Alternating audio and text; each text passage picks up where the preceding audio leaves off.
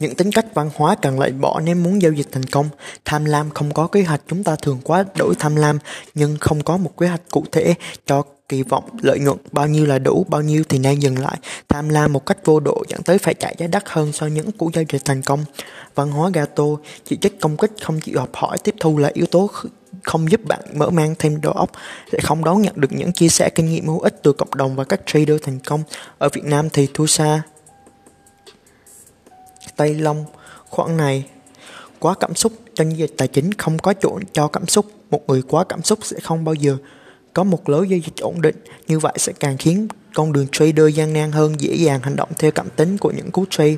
Không trung thực với bản thân, trung thực với chân thành với mắt khích là yếu tố quan trọng giúp chúng ta nhìn nhận thẳng vào vấn đề để sửa sai lầm thay vì hoa mỹ sáo rỗng, thở phòng và ảo tưởng.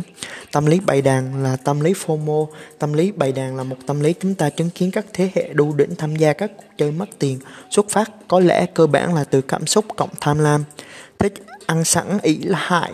Nhiều người quá phụ thuộc vào kèo, nhận định của người khác. Những người này sẽ không bao giờ có thể thành công hay kiếm được tiền từ thị trường. Đồ ăn free thì chỉ trong bảy chục. Không kiên nhẫn. Nhiều người không thể kiên nhẫn chờ đợi lúc nào cũng muốn vào lệnh cũng muốn có lệnh để ngắm cho cảm giác. Chúng ta cần phải chờ đợi một entry tốt, một tín hiệu rõ ràng để sẵn sàng vào lệnh một giao dịch.